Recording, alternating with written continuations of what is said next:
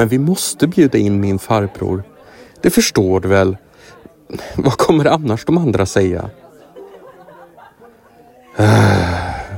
Men han ska ju alltid dra sådana där konstiga skämt och pratar ju bara om sig själv.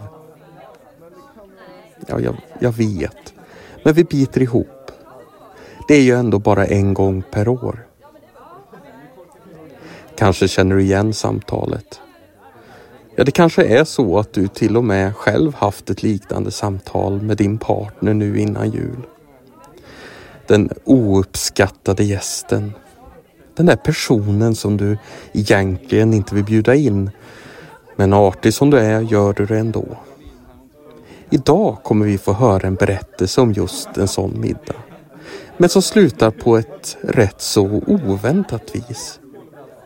Jag heter Kent Samfridsson och det här är Sagor kring härden.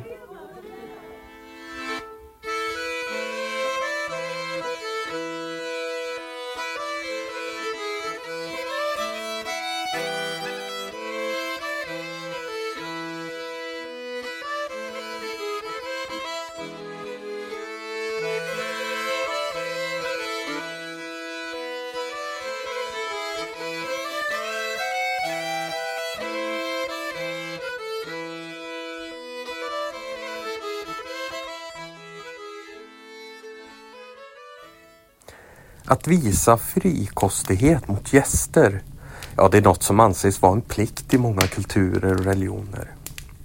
I den högste sång från medeltida Eddan, ja där kan vi läsa Jag råder dig, Lodfagner, men råd må du taga. Du får fördel om du följer dem. De blir goda att begagna. En gäst du skall ej skymfa eller jaga på porten. Fängna den fattige väl. En som visade omsorg för den där okände kunde en räkna med visade än större omsorg om sina egna.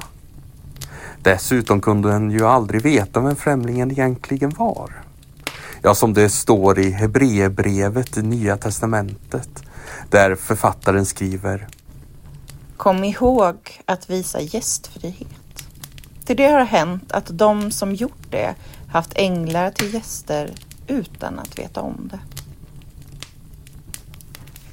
Men tänk om din middagsgäst inte bara var en jobbig släkting som inte kan läsa av stämningen i rummet eller en vän som saknar tidsuppfattning. Jag tänk om gästerna som är på väg inte ens är människor. Dagens berättelse är hämtad från Holmedals socken i Värmland. Den är nedtecknad av Edvard Olsson 1925 och berättad av Olof Haglund som var född 1860. Berättelsen som Edvard döpt till bergetfolket som kom till bonden om julkvällen är en berättelse som finns i olika versioner ända upp i Finnmark i Norge till Mären i Tjeckien. Den finns bland annat nedskriven i Asbjörnsen och Moes folkäventyr från 1852. Men går förmodligen tillbaka så långt som till en dikt skriven under medeltiden från södra Tyskland. Slå dig ner och lyssna till eldens sprakande ljud. Nu börjar vi.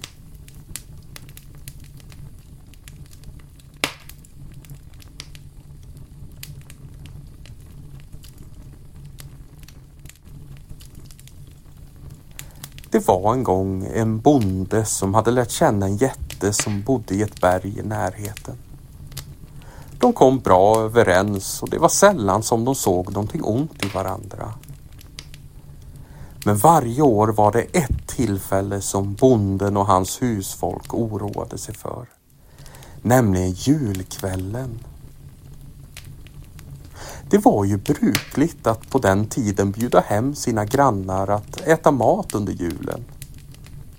Det var ett sätt att visa uppskattning och att välja att låta bli, ja det räknades som mycket förolämpande.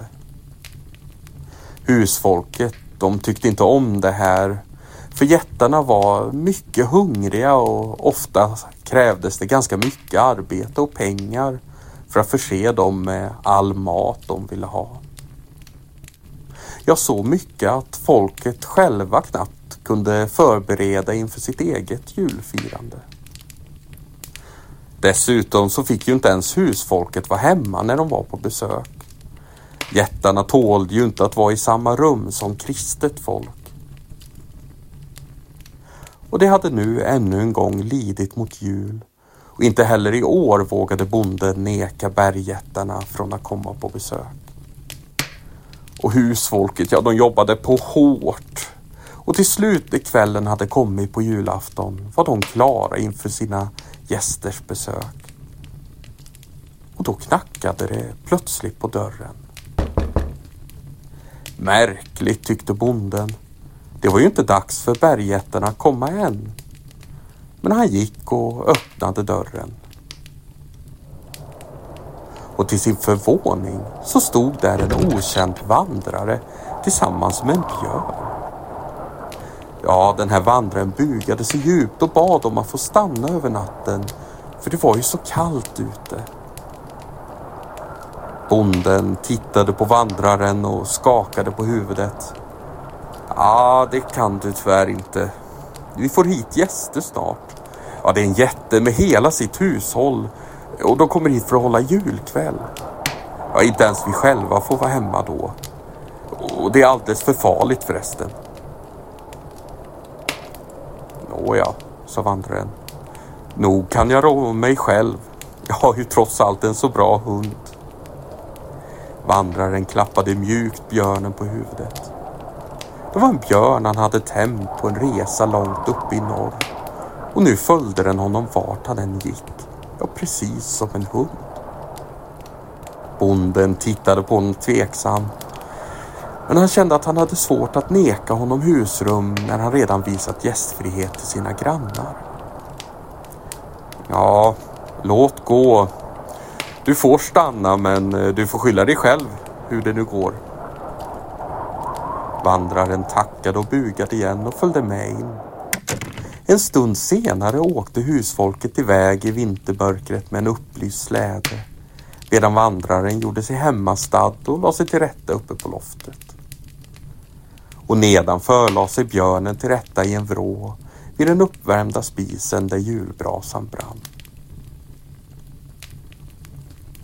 Och snart så väcktes han dock av ett stort undrande. Ja, det fick hela huset att skaka. Och med en våldsam ryckning for dörren upp och in i rummet kom bergjättarna.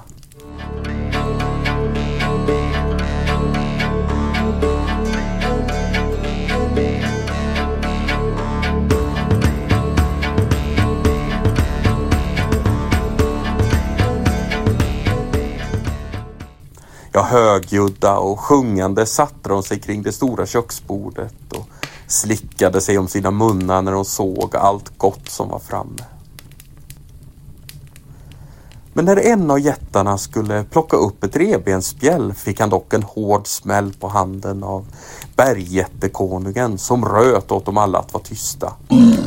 Med sina stora näsborrar drog han in djupa andetag. Här luktar allt kristen mans blod, sa han misstänksamt och såg sig omkring i rummet. Det kanske är doften som är kvar från husfolket sedan de lämnade huset, sa en av bergjättekvinnorna. Mm. Ja, kanske det, sa bergjättekonungen som då slappnade av och började äta och dricka av maten på bordet. Och sången och skratten, ja, de började igen. Framför honom på golvet stod ett stort kar fyllt av öl som han lyfte upp. Ja, det fanns ju inga stop stora nog i huset för en jätte. Så han lyfte karet och utan problem drack han upp till sista droppen var borta.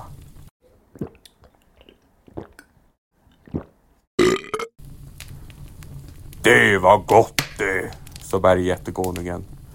Men det var dock konstigt skräp här i karet. Det var nämligen så att husfolket hade glömt gästkubben som användes för att jäsa som nu var kvar i karet och som jätten råkat dricka upp. En av bergjättekvinnorna tog sedan en stor skinka som hon började äta på. Men spottade ut det och skrek. Den är ju fortfarande rå i mitten! Och reste sig upp och gick till spisen och la skinkan på glöden.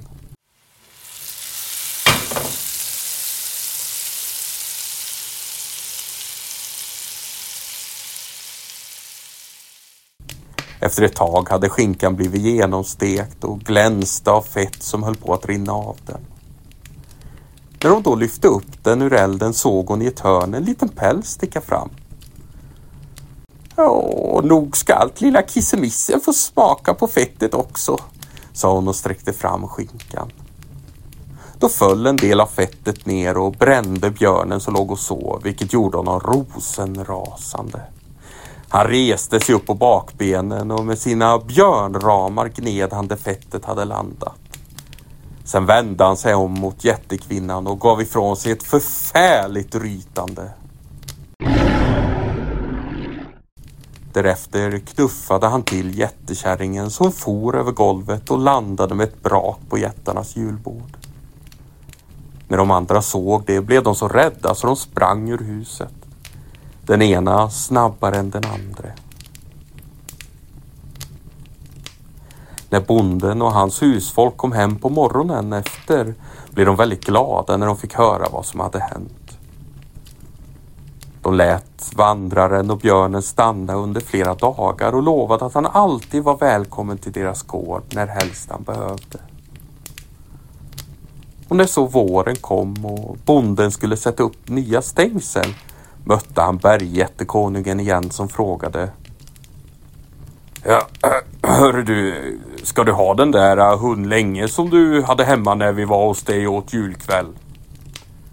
Åh jo, sa bonden. Den tjänar mig väl så den kommer jag ha kvar så länge den lever. Ja, på, på så vis, sa jätten. Äh, ja, då kommer vi nog inte att äta julkväll hos dig mer. Så kan det gå. Berättelsen är hämtad från Institutet för språk och folkminnen och är redigerad och framförd av mig, Kent Sanfridsson. Vill du läsa mer berättelser om folktron nedtecknade från västra Värmland så gå in och följ oss på Facebook och Instagram där vi heter Sagor kring härden. Sagor och sägner är inte mer levande än vi gör dem. Så dela dem gärna till vänner och fränder där ute och glöm inte att betygsätta oss. Tack för att du har lyssnat på Sagor kring härden.